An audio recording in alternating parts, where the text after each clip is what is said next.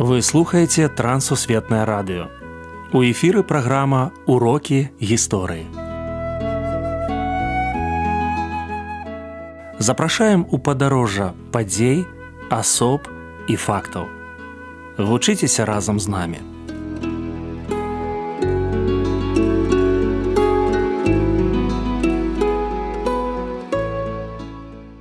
Добры дзень сябры. У мікрафона сяржук брышцель і кандыдат гістарычных навук Андрусь унучак. Сёння мы пагаворым пра францыска з карыну. Прывітанне Андрусь. Прытанне сяржук і ўсе слухачы. Канешне, францыск карына вядомая асоба ў Беларусі і за мяжой. Нягледзячы на гэта, калі ласка, прадстаўце нашага гістарычнага госця. Наш гістарычны госць гэта самы вядомы беларус свету. Яго імем названа нават адна з планет, якая ёсць вось у нашай галактыцы. Так што мы можемм сказаць, што гэта беларус касмічнага маштабу. А адна з галоўных яго дасягненняў гэта пераклад і друк бібліі.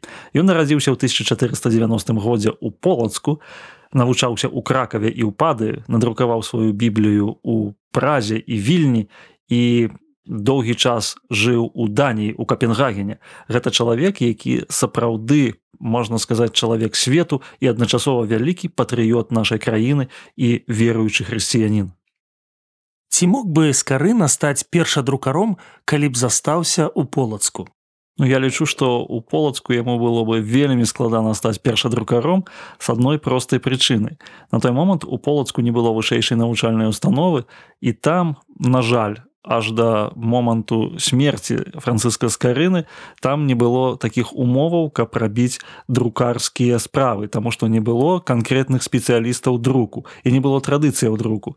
Таму яго выезд з полацку быў натуральным і разам з тым полацк заўсёды заставаўся ў яго сэрцы Таму што у кніжках кракаўскага універсітэту ён на першым месцы паставіў што я палачанін. І нават на вокладцы бібліі стаіць францыск скарына і слаўнага града полацка. Чаму беларусы ганарацца ім і лічаць выбітным чалавекам свайго часу?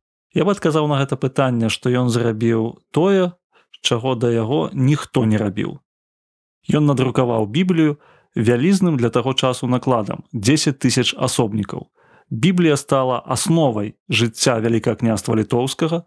Нашыя продкі здолелі стварыць першую у хрысціянскай Еўропе рэспубліку з выбарнай уладай, прытым усіх узроўняў і стварыць найдасканалейшым для тагачаснай Еўропы кодэкс законаў статут вялікае княства літоўскага дарэчы з карына уваходзіў у першую статутовую камісію 1529 году Таму мы можемм сказаць што ён адкрыў беларусам закон Божы і ўдзельнічаў у прыняцці найдасканалейшага закону чалавечага.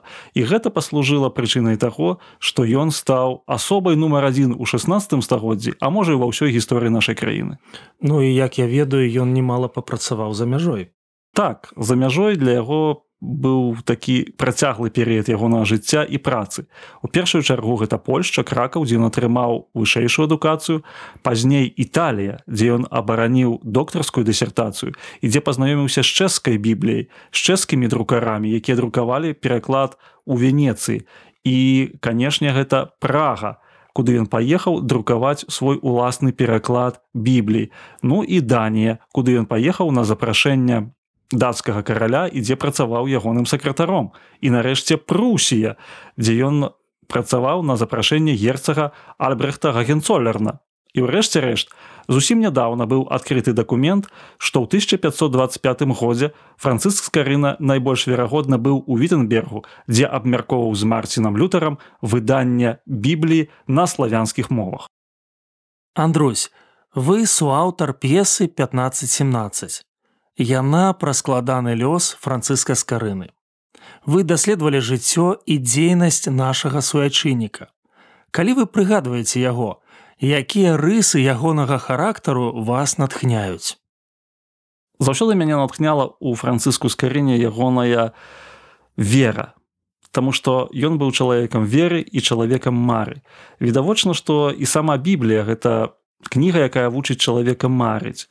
Ён нарадзіўся ў краіне дзе не было ніводнага універсітэта Ён э, нарадзіўся ў краіне дзе не было друкарскага станка.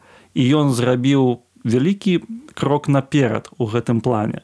І яшчэ мяне натхняе ў ягоным характары упартасць і настойлівасць у дасягненні сваёй мэты.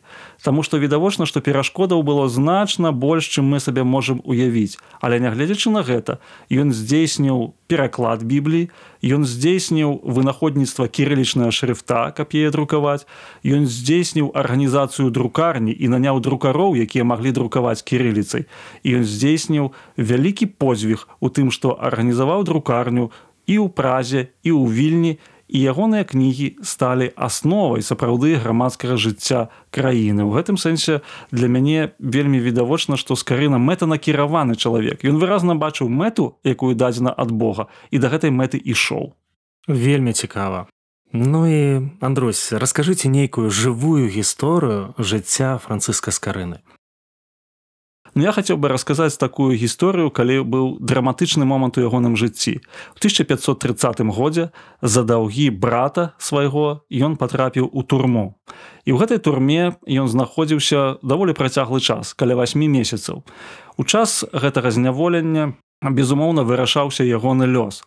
Але э, на сённяшні момант мы можам сказаць, што францыск скарына, які перацярпеў найвялікшыя пакуты ў турме гэтай, гэтыя пакуты былі пасля ягонага ўзлёту і славы ягонай. І мы ведаем некалькі лістоў якія ён напісаў з гэтай турмы. І ў гэтых лістах ён піша пра найвялікшую надзею на тое што Бог яго вызваліць. І гэта мне нагадвае гісторыю вось данііла прарока які нават патрапіўшы ў складаныя умовы ён заўсёды спадзяваўся на Бога. І сапраўды так здарылася што сам кароль і вялікі князь літоўскі жыгемонт першы асабістым сваім лістом загадаў яго вызваліць з гэтай турмы і даць яму ахоўны ліст. Гэта было прызнанне на дзяржаўным найвышэйшым узроўні ягоных заслугаў. І ў гэтых умовах для нас мы можемм сказаць, што францыск карына застаўся чалавекам бібліі.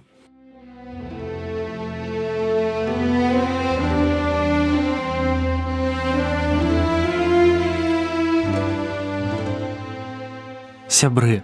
Мы з вами упэўніліся гісторыя памятае добрая слухаў і думаў. Францыс скарына быццам наблізіўся да мяне. Я бачыў яго вялікую памятную выяву ля менскай нацыянальнай бібліятэкі. Сёння ён стаў жывым. Чалавекам мары і чалавекам мэты.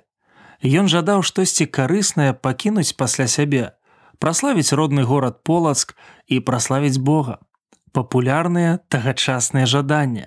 Мне здаецца, і тое і другое атрымалася некепска. Надрукаваць біблію на зразумелай мове гэта перадаць у рукі хрысціянскую веру і надзею. Калі мы пазнаёмімся з гэтай кнігай, тады вялікая справа жыцця беларускага першадрукара не застанецца дарэмнай.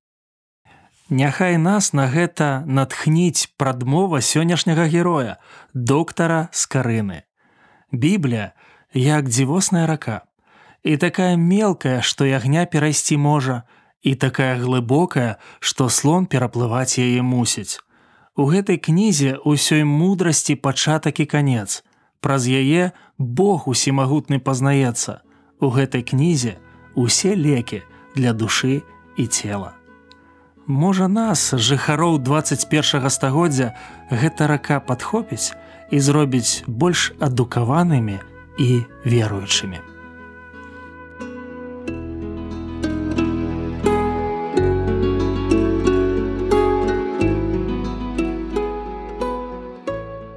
Дзякую, што далучыліся да нашага праекту. Калі ў вас ёсць пытанні, пішыце калі ласка на адрас. Трансусветнае радыё, урокі гісторыі. Паштовая скрынка 45, індекс 22 40 20 город брест 20 беларусь. Пакідаю для сувязі электронную пошту rmtwr кропка by собачка gmail кропка com. Шукайце нас на сайте twr кропка fm до новых сустрэч